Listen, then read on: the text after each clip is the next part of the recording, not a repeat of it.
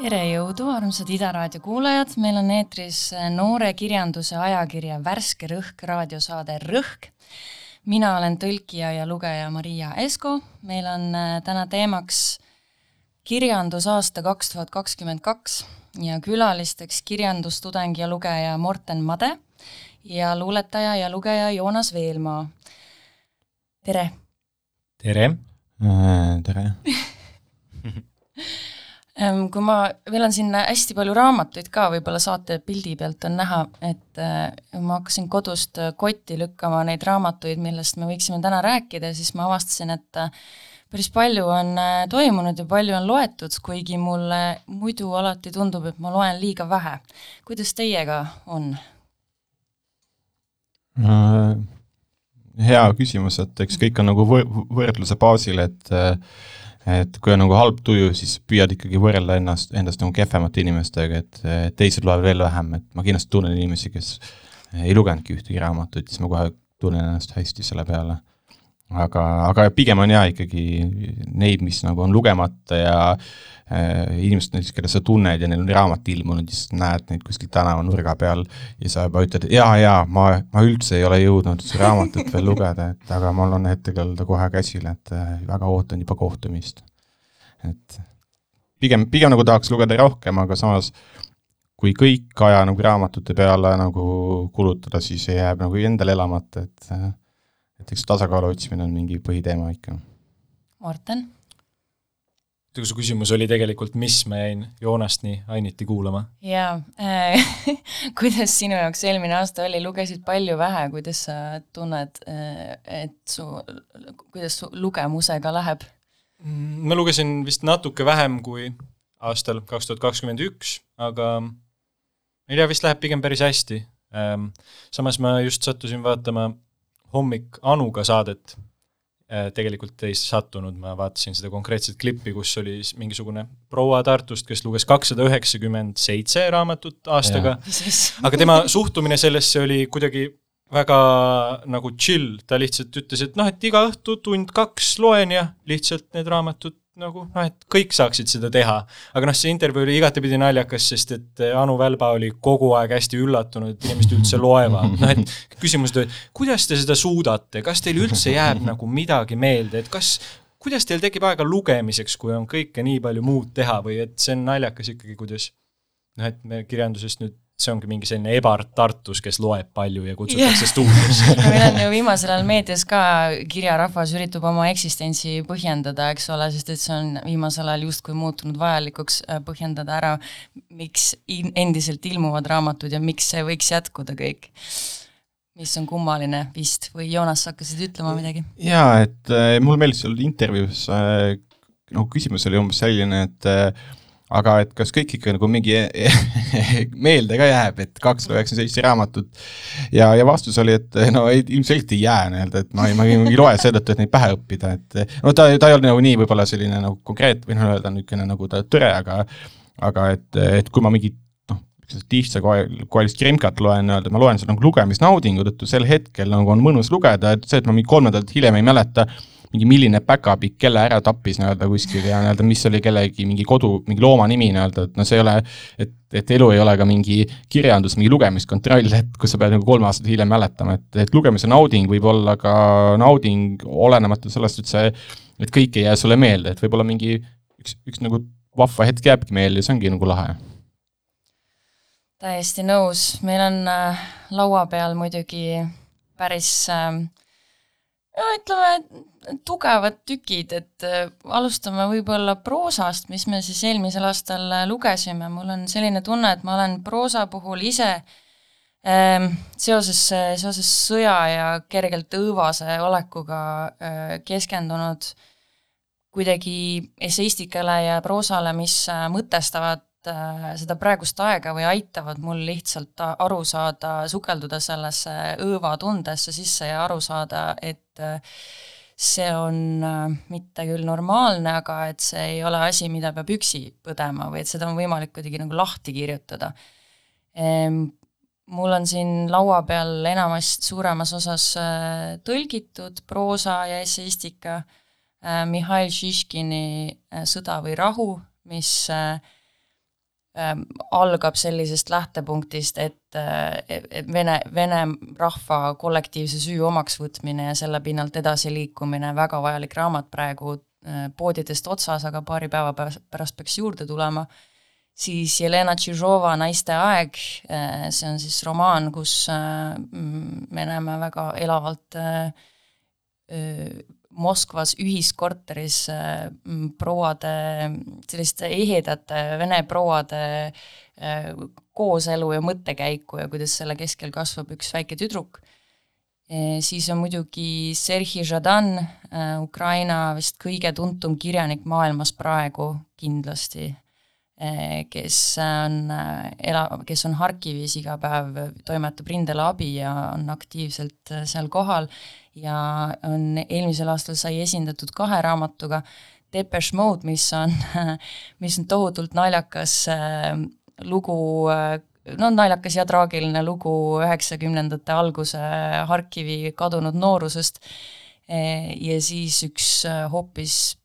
palju oluliselt vähem naljakas raamat äh, Internaat, mis äh, ilmus äh, eestikeelses tõlkes eelmisel aastal esimest korda. Et minu, jaa, muidugi ju ei saa unustada Jonathan Littelli raamatut Eumeniidid, mis on, mida on peetud kahekümne esimese sajandi üheks tähtsamaks teoseks, noh, need on kõik, lähevad väga-väga sarnasesse auku ja, ja mõtteruumi, et mida teie lugesite? Äh, no mitte neid ei, tegelikult äh, Jadanis äh, Depeche Mode vist esimene, esmakordselt ilmus kaks tuhat kakskümmend. Äh, jaa, siis me tegime uue, Looming Raamatukogu tegi uue selle eriväljaande, sest et selle vastu huvi kasvas, eks ju, hüppeliselt yeah. pärast täiemahulise sõja algust ja siis me tegime uustrükki sellest aga jah, et eks seal mingi traagika on, aga tõesti nagu, nagu väga palju nagu nagu naljakamaid raamatuid ma ei mäleta nagu, et on, ta on tõesti lihtsalt nagu hull, hullupööraselt naljakas. Äh, et seal on väga nagu naljakad karakterid, olgugi et ta ei ole nagu noh, või noh, ta natuke nagu on jant ja natuke nagu ei ole ka jant, et tal on mingisugune ka ikkagi koomilise ja traagika nagu segu väga, väga tugevalt, et aga see oli nagu vahva et ta uuesti nagu välja anti, et et ta oli minu arust koroona kevadel tuli äkki välja nii-öelda siis nüüd tuli, nüüd tuli uuesti, aga ka ma tahtsin, tahtsin küsida, et sa rääkisid, et et selline nagu Vene ja sõja teema, ma saan aru, et see ikkagi nii-öelda on nagu sõjateene nii-öelda ikkagi, et see huvi nagu, et ennem seda nagu oli vähem seda ja selles mõttes, et äh, kus on kurja juur, millega tegeleb see Jonathan Littell äh, ja heliallik on teinud selle täiesti uskumatu töö ära, ma ei tea, kui kaua tal sellega läks, seitse aastat või ma ei tea, ma ei mäleta, valetan ilmselt, kui ma selle aastaarvu ütlen, aga aga et see raamat on eesti keeles, noh selle ma oleksin niikuinii läbi lugenud, sellepärast et see teema on mind huvitanud oh, terve teadliku elu, ma arvan, aga aga just see vene osakond või see spetsiifiliselt nagu noh, Šiškin, Tšižova, Žadan, kõik see, just see Žadani uus äh, raamat Internaat, see on sõjateene kindlasti kui selle kohta saab teene öelda. jaa, sest et äh, kui nagu vaadata, ütleme, raamatumüügi edetabeleid, siis eks need noh äh,, nagu vene teemad on nagu ühelt poolt nagu populaarsed ja mulle tundub, et nagu, et ilmselt jagunevad nagu kaheks, et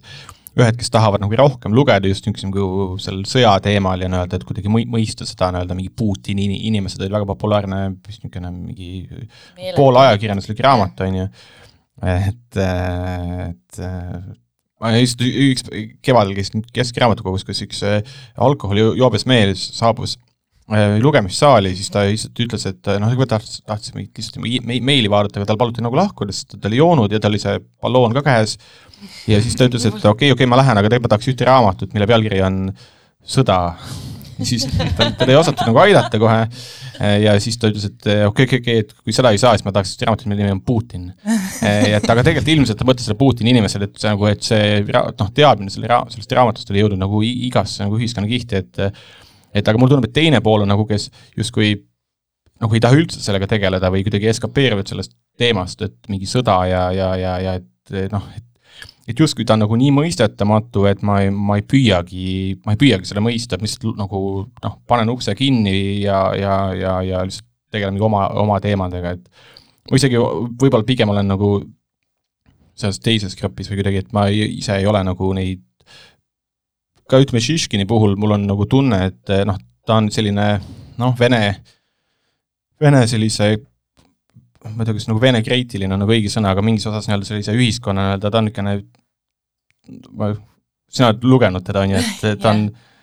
ta ikkagi ütleb nagu kehvasti nagu vene rahva kohta, on ju. Loomulikult ta analüüsib seda, kust see kõik, tähendab, me ei saa võidelda ühegi kurjaga, kui me ei saa aru, kust see tuleb ja Šiškin kaevub sinna, ta natuke õrnalt nagu riivab seda piiri, piirijoont, et kas ta nüüd palub, kas ta nüüd õigustab või ta selgitab. minu meelest ta jääb selgitamise poole mm -hmm. peale, et tal ei ole vajadust äh, vene rahvast välja vabandada kindlasti ja sellest ta kohe alustab ka oma uue eessõnaga, et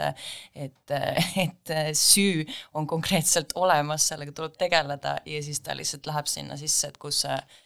kus see, kus see nagu ajalooliselt võiks tulla. Mina olen vist ka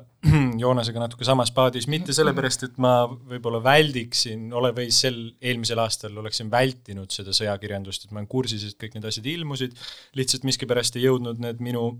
lauale või mingid asjad kindlasti jõuavad, Eumeniidid äkki suvel, sest tundub selline tore suve lugemine. jaa, see on väga mõnus rannas, suur klots aga eh, tegelikult minule jõudis lauale tõenäoliselt eh, sama sünge raamat, eh, Lucia Berliini Koduabilise käsiraamat. Mm.. kuidagi on kippunud nii olema, et iga aasta on üks proosaelamus, mis on tekitab sellist vaimustust, et loed teksti ja saad aru, et kurat, sellist keegi, ma ei ole kunagi kuulnud või näinud või lugenud, et keegi teine, et keegi teine niimoodi kirjutab ja see on täpselt üks nendest raamatutest. võib-olla see on hea tõlge, ma ei os-, oska seda öelda, et kas see, kas originaal on sama hea, aga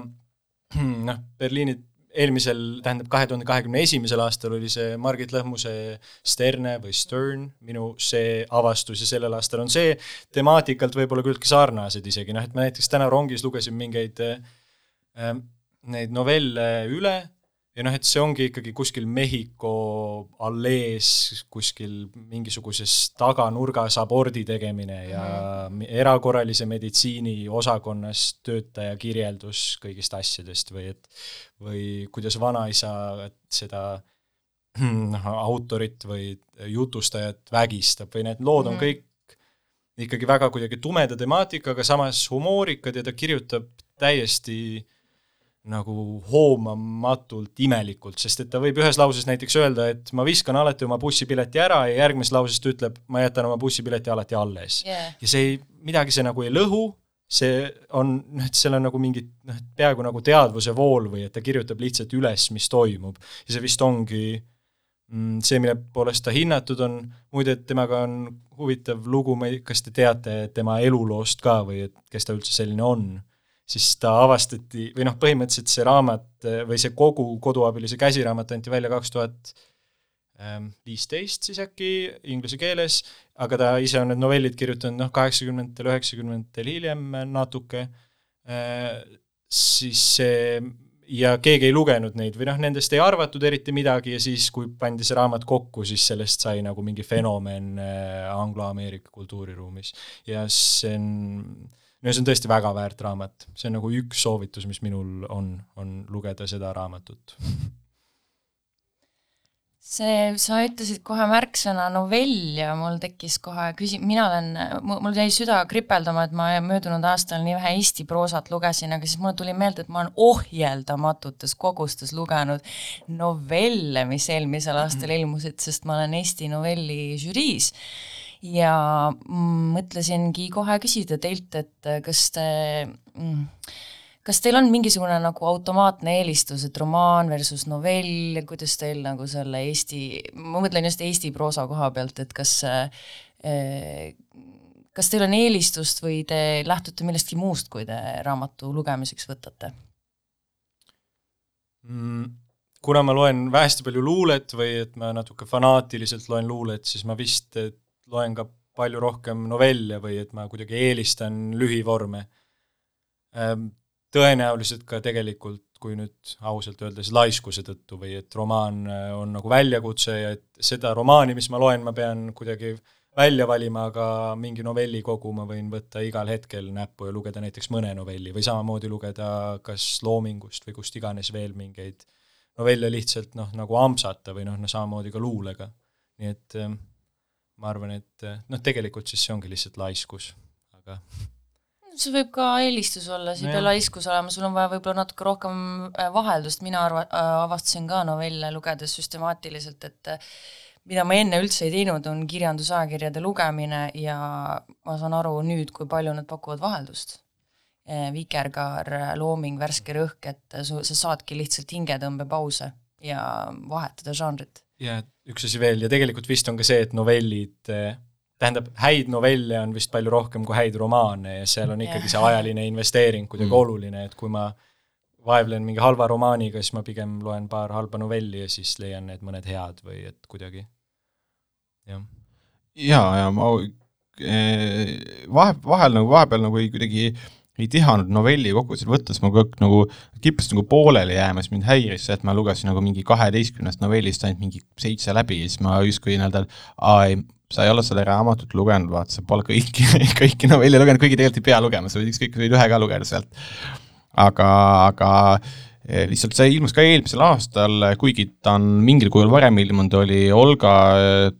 Tokartšuk yeah., ei, maailma kõige inetum naisterahvas, siis see on väga-väga-väga nauditav, ta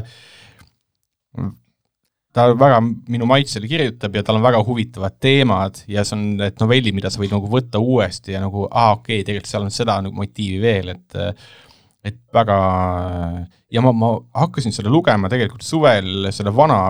vana, mingi kahe tuhandendatel ilmunud versiooni ja ma ei, ma ei saanud temast mingi üle kahe lehekülje, jama nagu nüüd võtsin selle uue nii-öelda ilusas köites krooni hakkasin lugema ja igaüks on, iga novell on nii hea, et, et ikka, ikka kujundus on nagu tähtis, ma ei tea, igatahes väga-väga hea. kujundus on väga tähtis, seda me jõuame oma järgmises saatejupis ka mainida, kas te tahate veel proosa kohta midagi öelda? E, jaa, jaa e, ma saan aru, et siin on, osad on e, nii-öelda niisugune sõjateema on ja, ja, ja, ja koduabilise käsiraamat, mida ma ise ei ole lugenud, aga mul on nagu soovitatud seda kogu aeg, kui ma raamatupoes Brand käisin, siis mäletan, et et Brandi pidaja pidi igale inimesele ütlema, et see ei ole see üldse koduabilise käsiraamat, vaid et see on tegelikult, seal on jutud on sees. Et ma ei tea, kui menukas raamat see on, aga ma arvan, et kindlasti see selle asja nimi võib nagu olla natukene selline, et sa pead teadma, et, et sa noh, teed selle lahti, et, et, et et ma, võib-olla ongi nagu mingi, kuidas, kuidas mingit sood, soodaga külmkappi puhastada, et et seal seda ei, vist ei ole või? ei, see, see on üks novellidest ja selles novellis siis mina tegelane räägib, kuidas ta on koduabiline erinevate inimeste juures ja kuidas ta neilt asju varastab ja et kuidas kõik koduabilised varastavad. Ja noh, see on väga, no see on tõesti, see novell on ka näiteks tõesti väga hea või see kirjeld-, see on hoopis midagi muud, kui võiks arvata, see peamiselt rõhubki varastamisele ja noh, et mida koduabilised tegelikult teevad. me oleme siin saanud väga kahtlaseid näpunäiteid, esiteks äh, mine raamatukokku nii, et sa valad oma ballooni äh, ohutusse pudelisse ümber, kui sa lähed küsima raamatuid, lisaks, et meil on äh, soovitajate, palavalt soovitame lugejale raamatut, kus räägitakse varastamisest, ähm, kõigest muust koledast. absoluutselt, ma arvan, et nüüd meil äh, sobiks äh, sujuvalt minna üle järgmisele osale, mis on luule, vahepeal kuulame ühe väga-väga hea muusikapala, mille ma just hiljuti avastasin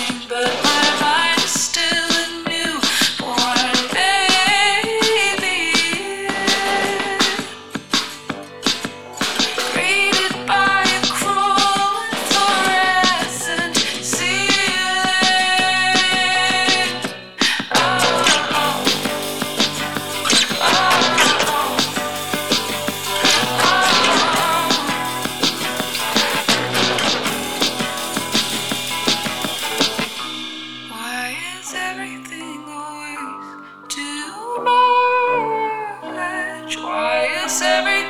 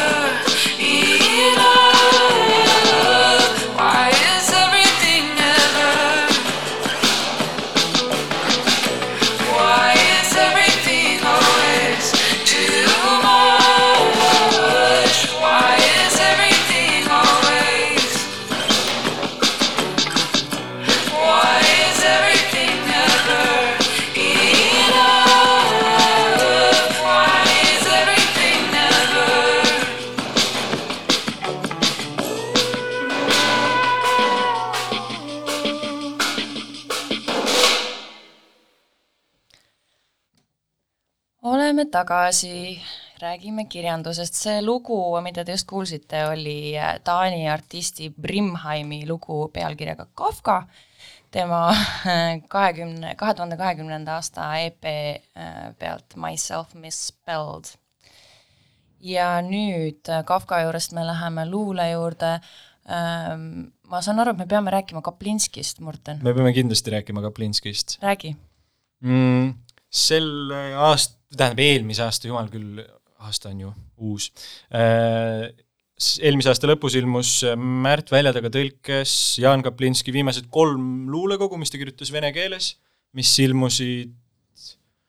no tähendab, nad ongi, viimane ilmus kaks tuhat kakskümmend üks ja vist üks nendest ei olnud, ei jõudnudki ilmuda, midagi sellist, aga mm, tegemist on äh, väga väärt luulekoguga või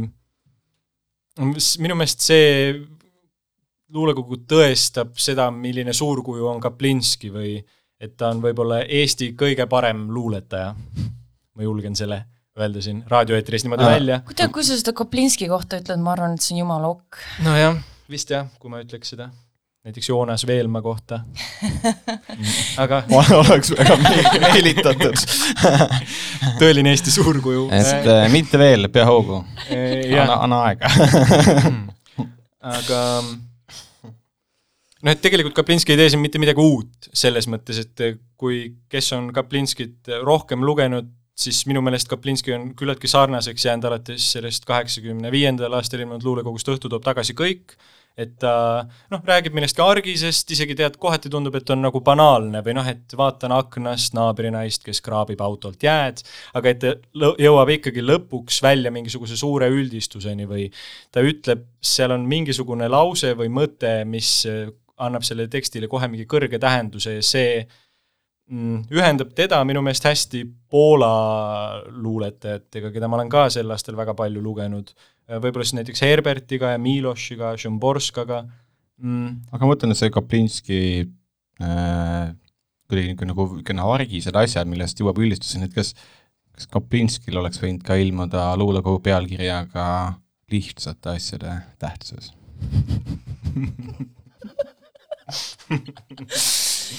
ja me jõudsime Kaplinskist me jõudsime Kaplinskist räpini, jess. jess. ähm,. no kindlasti oleks võinud pealkirja mõttes jah, aga ei ilmunud. ei ilmunud ja ilmselt Ei, ei, ilmselt ei ilmu ka ja Kaplinskil on see nõks või no ta suutis, tal on see nõks on tal nagu nii käes olnud kogu aeg, et kirjutadagi, noh, kirjutada mm. peaaegu nagu Lauri Räpp, aga aga oma, aga ja, ja ka omamoodi nii-öelda. ei nojah, muidugi. aga ma tahtsin korraks lihtsalt jõuda selleni, et need Poola luuletajad, keda ma kuidagi Kaplinskiga võrdlen vist lihtsalt sellepärast, et eh, ma kuidagi e- noh, esiteks, et näiteks Miloš ja Šimborska on nobelistid, hästi tunnustatud just oma hilisemas elus ja miks mitte ka Kaplinski ei võiks nobelist olla, minu meelest Kaplinski on parem kui Miloš näiteks, kes on tegelikult noh, võrreldes Kaplinski pole Miloši kõrval mitte keegi selles nagu ma ei tea, Euroopa kirjandussfääris või aga ähm, kuid tõlkijana ma tahaks äh, kiirelt ära mainida selle ka, et kõik roosid me kingiks Märt Väljatagale ja Hendrik Lindepuule mm, -hmm. Hendrik Lindepuu on meile väsimatult kõiki neid Poola teoseid vahendanud, mida me siin nimetame. vot jah, ma tahtsingi tegelikult Lindepuust korraks ka rääkida, sest et äh, ma lugesin, tal sel aastal ilmus või eelmisel aastal, kurat, ilmus ka see, et Herberti äh, noh, luuletused, mis noh, mitte siis valitud luuletused, aga see on ikkagi noh, seitsesada lehekülge ja see on ilmunud ka kaks tuhat kaheksa ilmusid noh, umbes kolmsada lehekülge, seal luuletused kattuvad ja siis ma leidsin kuskilt, kus Kalev Keskküla ütleb nõnda selle Herberti ähm,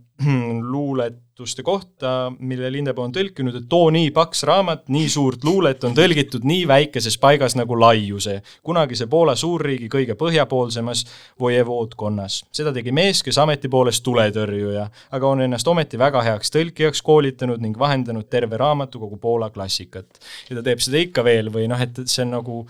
Herbert on poolakatel nii nagu püha luuletaja, et keegi isegi ei julge ta kohta vist midagi äh, halvasti öelda, et noh, iga, Lindepuu veel ise ka ütleb, et igal Poola kirjandusteadlasel on kirjutatud nagu lugematu arv tekste Herberti kohta ja siis Lindepuu lihtsalt noh, tõlgibki ära, ongi noh, seitsesada lehekülge eestikeelset Herbertit või noh, et see on kuidagi, see on hämmastav. ja samal ajal ka kõrvale kõik teised poolakad, nii proosa kui. Meil on siin ilmselgelt äh, pigem luule poole kallutatud kolmik kokku sattunud, nii et siin võib nüüd aega minna pisut. Joonas, räägi sina. jaa,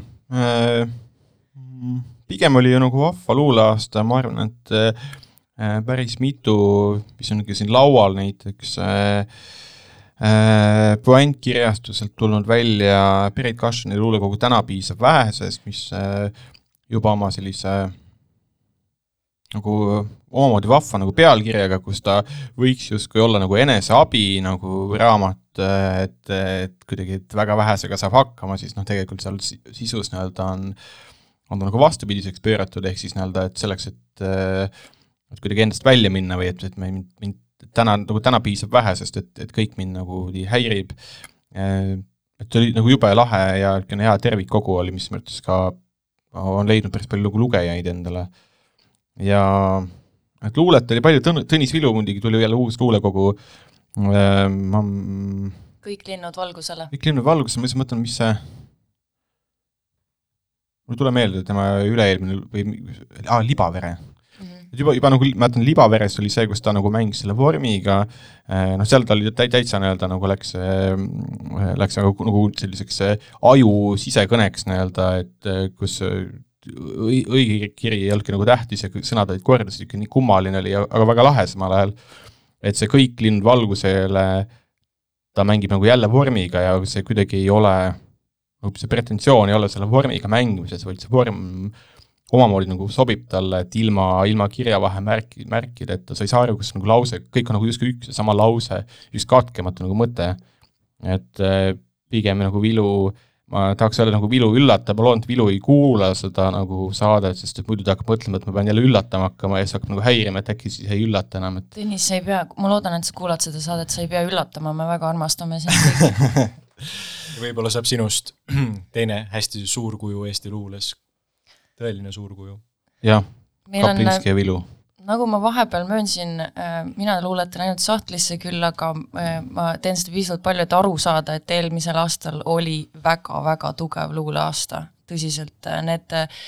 kolm raamatut, mida mina kohe mainiksin, on äh, mitte lihtsalt mulle, mitte lihtsalt head raamatud, mis eelmisel aastal ilmusid, vaid minule täiesti nagu äh, enneolematu elulise tähtsusega, aga ma vabandust, kas ma sõitsin sulle sisse, kas sa tahtsid veel midagi öelda? okei okay. ei tahtnud. selge, siis äh, ma mainin need raamatud ära, ma olen lihtsalt nii elevil, et ma ei pane tähele, kui ma kedagi segan, kellelegi vahele segan, segage mulle ka vahele. et kõigepealt seesama Beriti raamat Täna piisab vähe, sest äh, lugesin seda sellisel hetkel oma elus, kus kuidagi kõik oli väga koost lagunemas ja siis see raamat lubas mul nagu täiesti rahulikult, võttis mul käest kinni ja lubaski kõik äh, tükkideks lasta et saaks, et saaks nagu uuesti alustada, see kui tema kujundikeel ja see tundlikkus, mis puudutab kõige rohkem võib-olla just, eks ju, sellist kolmekümnendates aastates naist, nagu ma olen, siis see, see isiklik tunnetus oli, oli seotud nagu selle sõnumiga, aga kui temast kui luuletajast rääkida, siis mu, mind, ma, ta lihtsalt äh, pidevalt suudab üllatada nende ootamatute nagu tabavate kujunditega, milles on korraga huumorit, traagikat ja kõike. et see, see raamat oli ikka nagu, kui ma peaksin ühte eestikeelset raamatut ainult soovitama endale kallile inimesele, siis oleks see raamat. Joonas, sul on niisugune nägu, nagu sa tahaks ette lugeda midagi. ma ei, vist ei taha isegi ette lugeda, kuna siin on, see on üks, üks nendest häälikutest, mida ma ei oska öelda, ehk R ja, ja selle luuletuse nimi on narri, narri. nii et ma ei saa kahjuks seda nagu ette lugeda, aga on öelda, et seesama sõna siis tähendab, et see on nagu rõõm vastamata armastuskirjast ja rahulolu ebaõiglaselt kõrge trahviga. see on elu, elu absurdi, absurdile alistunud inimese rõõmuhüüe, see on narrinurr. see on nii-öelda üks väike fraas sellest nagu tekstist, mis mulle väga meeldis ja mille, selle teksti ideed ma olen ka nagu varastanud ja ise kasutanud ühes teises kontekstis, nii-öelda, et mulle see idee meeldis, sellest nagu rõõm sellest nagu ebaõnnestumisest, et, et ja seal oli siin kogus oli palju nagu huvitavaid äh,, huvitavaid niisuguseid nagu kas nagu mõtteid, aga kuidagi selliseid nagu lähenemisi erinevatele nagu elu, et teatud mingi melan-, melanhoolia käib siit läbi, aga ta kuidagi on selline, et ma püüan ikkagi nagu poina nii-öelda seal kuidagi vee peale jääda selle kõigega nii-öelda, et äh, ta nagu, ta on oma, üldse nagu kirjandus, et mulle tundub, et, et kõik, kõik, kogu, kogu ütleme, kirjandus, mis püüab nagu sisendada sulle mingi positiivsust, mõjub nagu vastupidiselt. et nagu sa nagu tahad nagu, et mis sa öeldi, et, et iga päev on kingitus. ei, äh, ma tahan kuulda, et kõik nutavad, pekslevad, lagunevad koost ja siis äh, saavad aru, et tuleb oma hullusega, oma hullusega leppida ja sellega õnnelikuks saada, et see on see, mis aitab. et jah, et ja jah, tõesti kui niisugune negatiivne asi nagu mõjub kuidagi positiivselt Jah. ja et, et kõik on nagu vastupidi, et ja, ja, ja muidugi ja, ja aga nagu raamatute osas mm,, kuna siin laua peal on ka see aeg nagu vaata mulle otsa, siis ma äh, äh, tahaks äh, ikkagi tunnustada Asko Künnapit, kes jätkuvalt kujundab väga-väga ilusaid raamatuid, et siin on Reio Roosi luulekogu Kured, kotkad, kajakad, et väga lihtsate motiividega on tehtud väga efektne nagu luulekogu, et et ma tihtipeale nii-öelda, kui uued raamatud tulevad, siis sa vaatad nagu mingi aa kurat, see on nagu, see on küll Künnapi tehtud jälle, et sa nagu tunned veidi sealt ära mingit niisugust äh, kuidagi läbi tunnetatud disaini, et ma ei taha öelda, et kirjanduse osas võiks sellest ka nagu mitte rääkida, aga, aga ta on kuidagi nii suur osa nagu äh, nagu raamatutest endast, et et, et Künnapile ka nii-öelda, et, et ta on jätkuvalt tegev. Sul on täiesti, minu meelest noh, me võime hästi palju rääkida sellest, kuidas,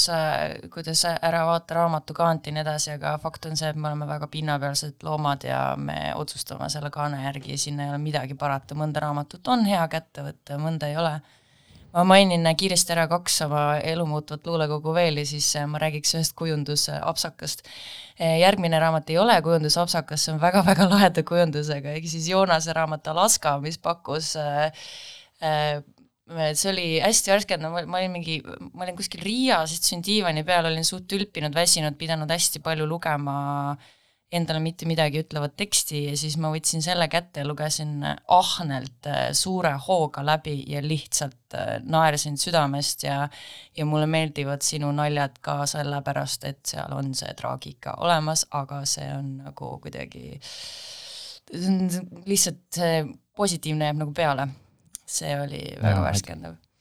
Ja Tõnis Vilu Kõik linnud valgusele oli esimene raamat, mida ma suutsin lugeda pärast seda, kui ma umbes pool aastat pärast äh, läbipõlemist ei suutnud äh, üldse mitte midagi lugeda. siis, kui see käsikiri laekus Loomingu Raamatukogu meilikasti, siis äh, ma lugesin selle lihtsalt kohe ekraanilt, mulle ei meeldi üldse ekraani pealt raamatuid lugeda, aga kohe supsti läbi, nii et need on kolm minu jaoks tõesti suurt asja. kole kujundus on. Ei, mitte Ahah. ei, mitte ma tahtsin järgmiseks rääkida kolmandast kujundusest. ei, need, need kolm raamatut on kõik väga hästi kujundatud.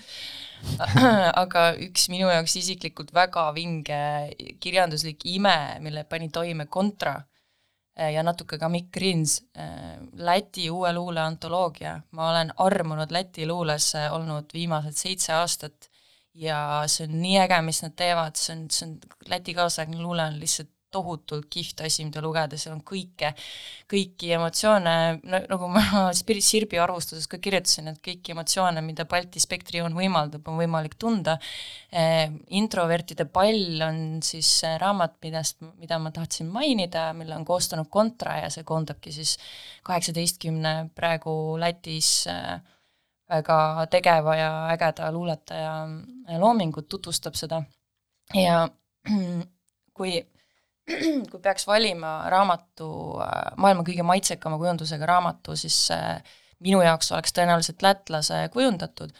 aga kahjuks äh, see luulekogu, mis koondab lätlaste kaasaegse Läti, kaasaegset Läti luulet, näeb välja nagu mitte kõige parem lasteraamat ja mitte, et las-, la-, minu meelest lasteraamatud võiksid ka olla pigem ägedad ja maitsekad, aga noh, saate aru küll, et eks ju, et on need asjad, on mõned raamatud, mida on üritatud teha nagu lastele söödavaks ja siis need on kuidagi nagu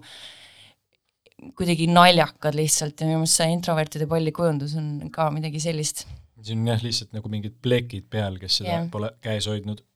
kes, äh, kui lähemalt vaadata raamatu sisse, siis tegelikult need plekid on introverdid, kes hängivad pallil, kes pikutab, kes ajab juttu ja nii, et see on kõik väga vahva, lihtsalt see ei tule selle veresauna laadse kaane pealt välja. jaa, ma ise sirvisin seda raamatut eh, vahetult ennem saadet, ma ennem ei olnud teda avanud, ma kuidagi, ma olen nii-öelda selle mõtteviisi ohver, et, et tõsiseltvõetav rootslane ei loe ju soomlase luulet ja, ja tõsiseltvõetav soomlane ei loe eestlase luulet, eestlane ei loe lätlase luulet ja lätlane ei loe venelase luulet, et see on nagu selline nagu loogiline jada, aga tegelikult eh, siin sees on väga-väga erinevaid ja väga eksperimenteerivaid, et kui ma olen kuulnud äh, ütleme, no- noorte alustavate kirjanike nii-öelda, või noh, ütleme, kirjandushuviliste inimeste suust viimase aasta jooksul, et et tahaks hullult nagu eksperimenteerida, siis nii-öelda seal raamatus tundus seda eksperimenti ja sellist nagu teatud nagu mängimist nagu väga palju, et, et päris palju saab ilm- ilmselt nagu inspiratsiooni, kui tahta ise nii-öelda nagu Eesti kirjanduses nii-öelda ka sama, sama teha. Eksper-, eksperimenteeri aga hiljem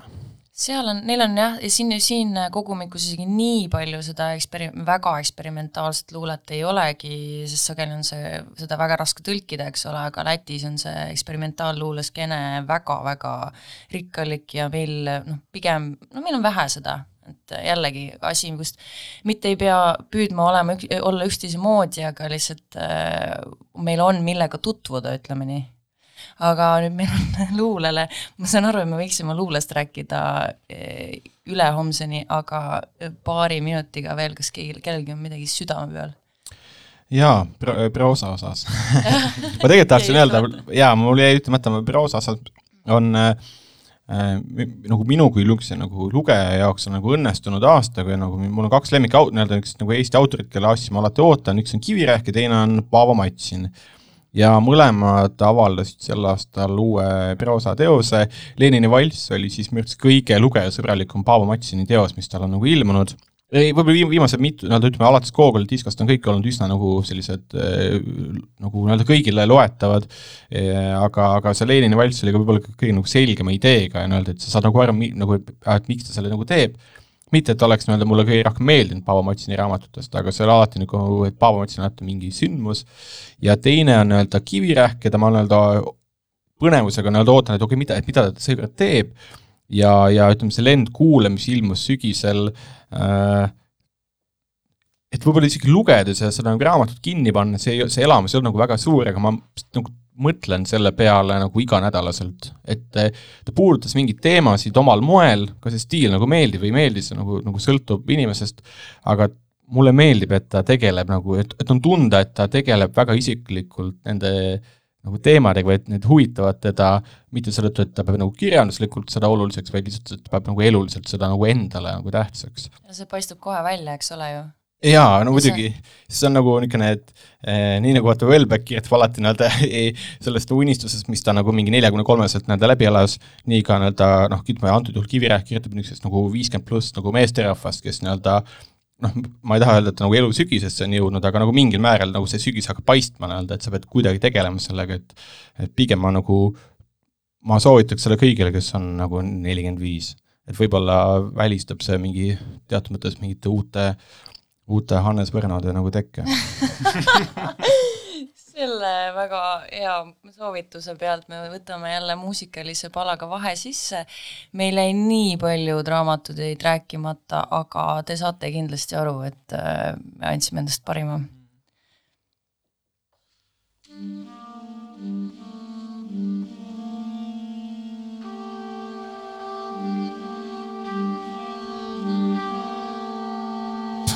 Poetry is free,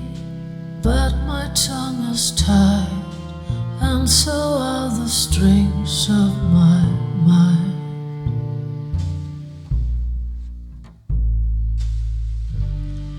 Now I lost the will to speak,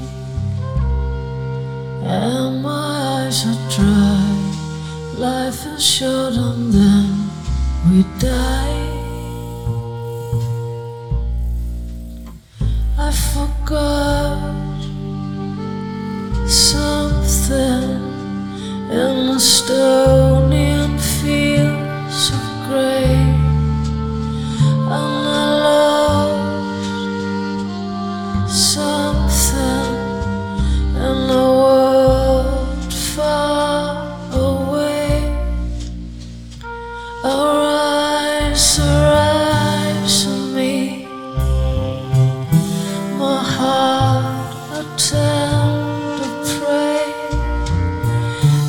star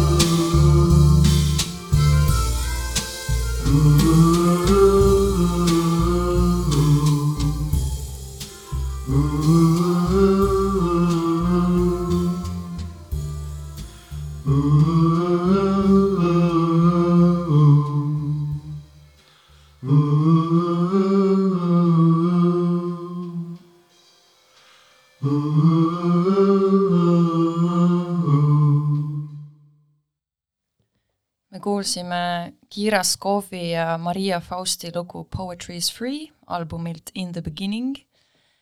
jälle Taani, noh, seekord Taani Eesti päritolu lugu, ma ei tea, Taani kirjandusest me ei ole täna äh, sõnagi rääkinud, aga vähemalt selle loo pealkiri oli Poetry is free.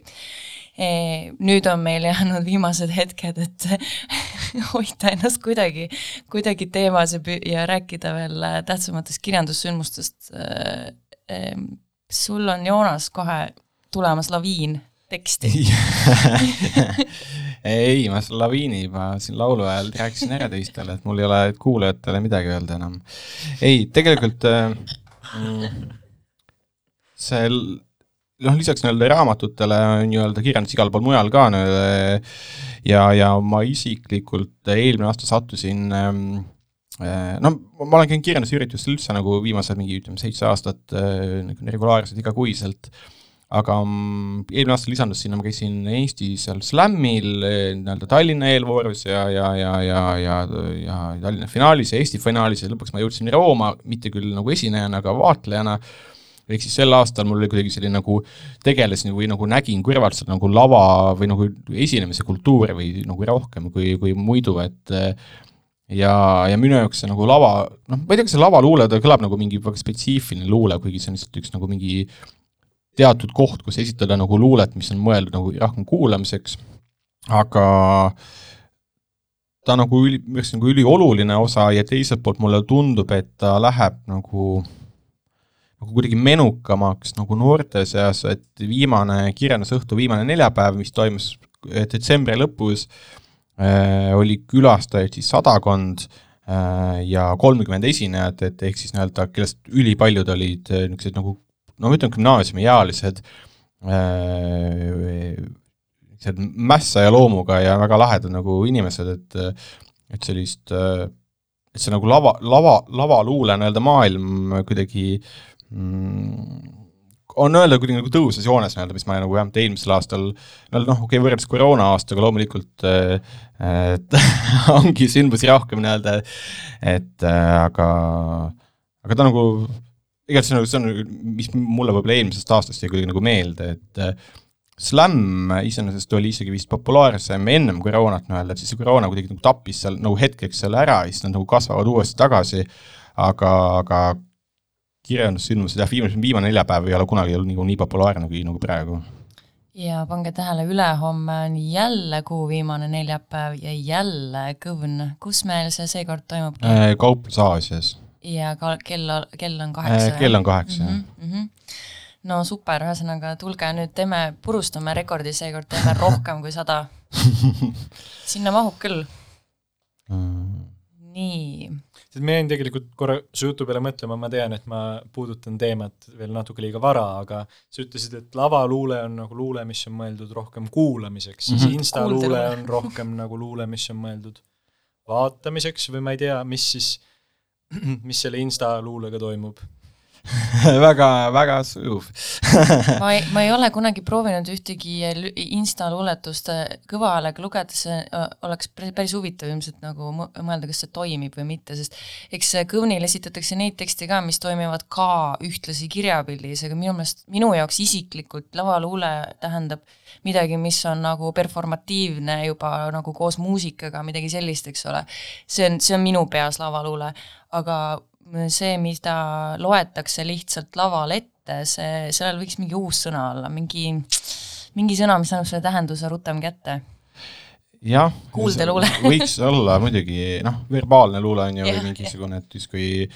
et eh, no, no see sõltub, et vaata olenevalt nagu esinejast, et, et, et on lava ja on mikrofon, et mõnel puhul see esinemine ja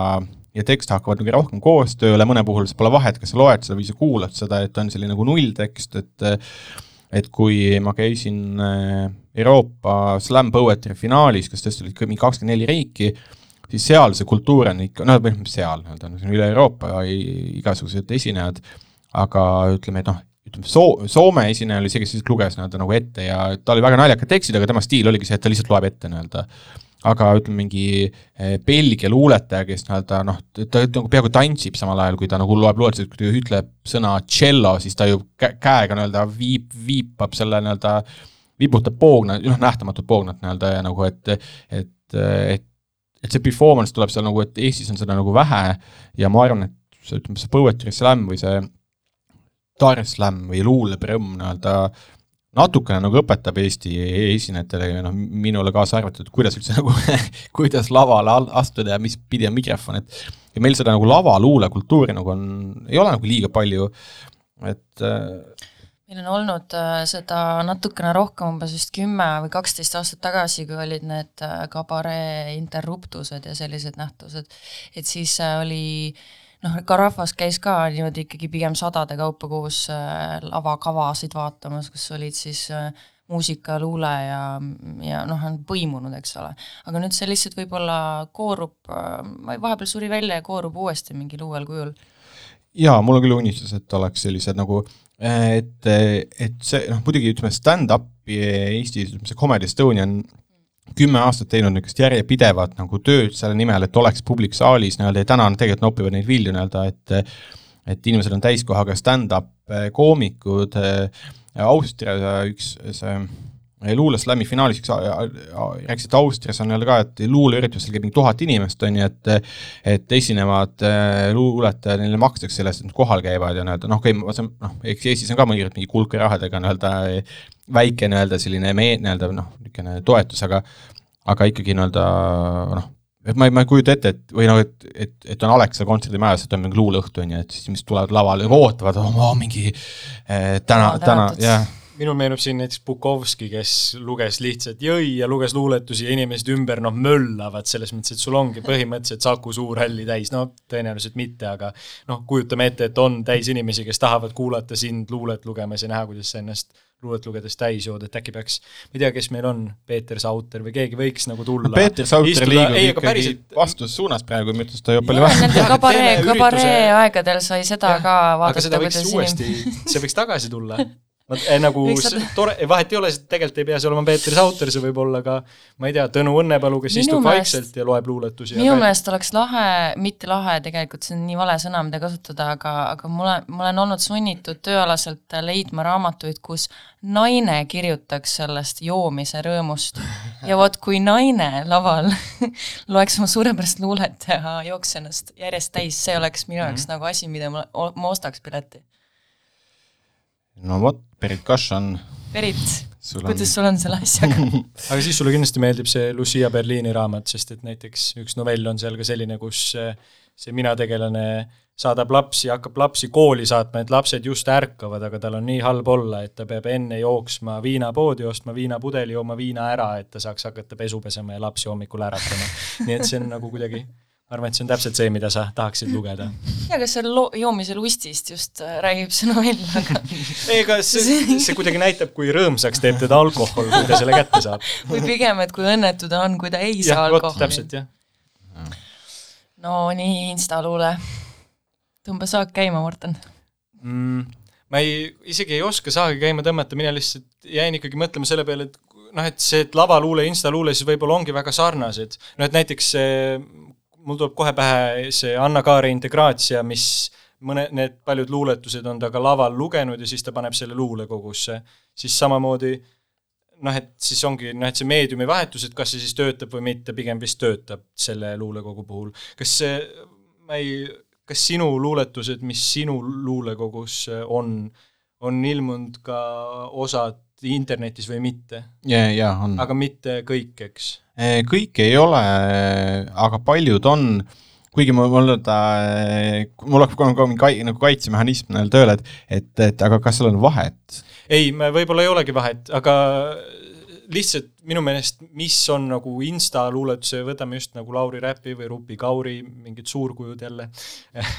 siis no seal ongi see, mida ma ka enne saadet rääkisin, et seal on kõige olulisem ongi ju see viimane tekst, mis ei ole muidu üldiselt luules üldse oluline või sellest me ei räägi luulekogu puhul mingitest daatumitest või et mis, et siis, siis on mingi muu asi, et mis tekst on võib-olla esimene luuletus ja nii edasi, aga et see, kui see panna raamatusse üle, siis kaovad need Instagrami või sotsiaalmeedia luule nagu omadused ära ja mis me siis saame, et see ongi see küsimus selle Lauri Räpi puhul, et ta, et see luulekogu on lihtsalt võetud see Instagrami feed, pandud raamatusse, aga see enam ju ei toimi. see minu meelest vä-, teebki selle selliseks, et see ei toimi, sest et Instagramis see toimib, seda on näha, aga ma, raamatus näiteks ei toimi. no ma ütleks niimoodi, või nagu selles osas ma ei ole nagu nõus, et, et see viimane tekst on nagu nii-öelda kuidagi, et, et see see mehaanika üleviimine ei toimi, ma tooks siis nagu paralleeli, kuidas mulle lihtsalt tundub. et et kui sa võtad Instagrami postituse, mis on nagu luuletus, et see on justkui ansambli puhul singel. Ja nagu kõige olulisem on justkui viimane singel. Ja siis mingi hetk nagu singleid saab piisavalt palju, on ju, siis ma teen sellest kokku plaadi, ega sa ei pane teda nagu täpselt samas järjekorras, võib-olla sa midagi kirjutad ümber, võib-olla paned uue loo juurde nii-öelda, et aga et kas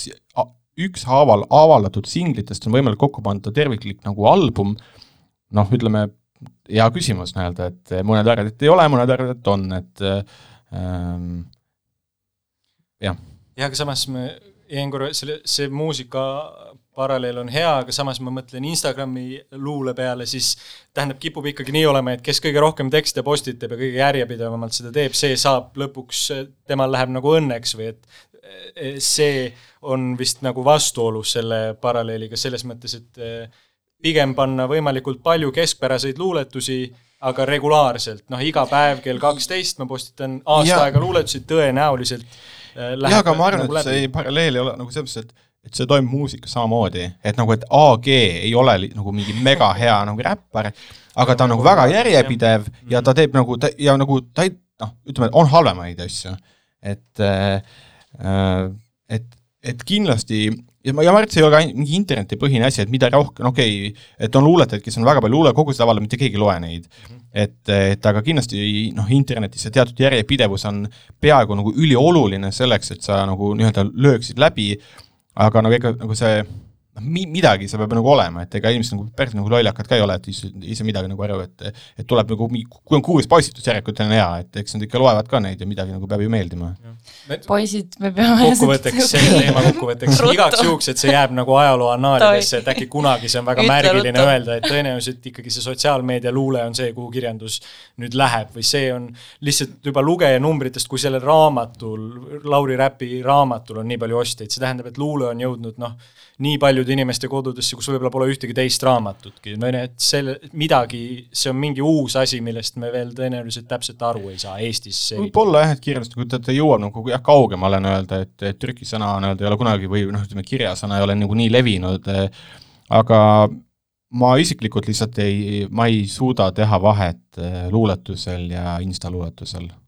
ma, ma no ma teen vahet nagu luuletus, mis on nagu huvitav ja luuletus, mis on nagu jama või noh, mu enda, enda jaoks, aga ma, aga ma ei suu-, et kui keegi paneks abstraktselt ette teksti, küsiks, et kas on luuletus või instaluuletus, siis ma ei tee vahet. ei nojah, muidugi meedium on jah oluline, vabandust. ei ole midagi, ei ole midagi, ma tahan lihtsalt öelda, et me peaks vist kirjandussaate tegema, sellepärast et äh, me pidime rääkima kirjandussündmustest, me rääki-, jõudsime rääkida lavaluulest ja, ja instaluulest ja me, ma arvan, et need väitlused võiksid jätkuda veel pikalt,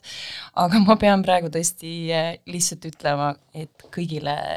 kes meid kuulavad, aitäh kuulamast, aitäh, Morten, aitäh, mm, aitäh. Joonas ja järgmine rõhk läheb eetrisse juba kuu aja pärast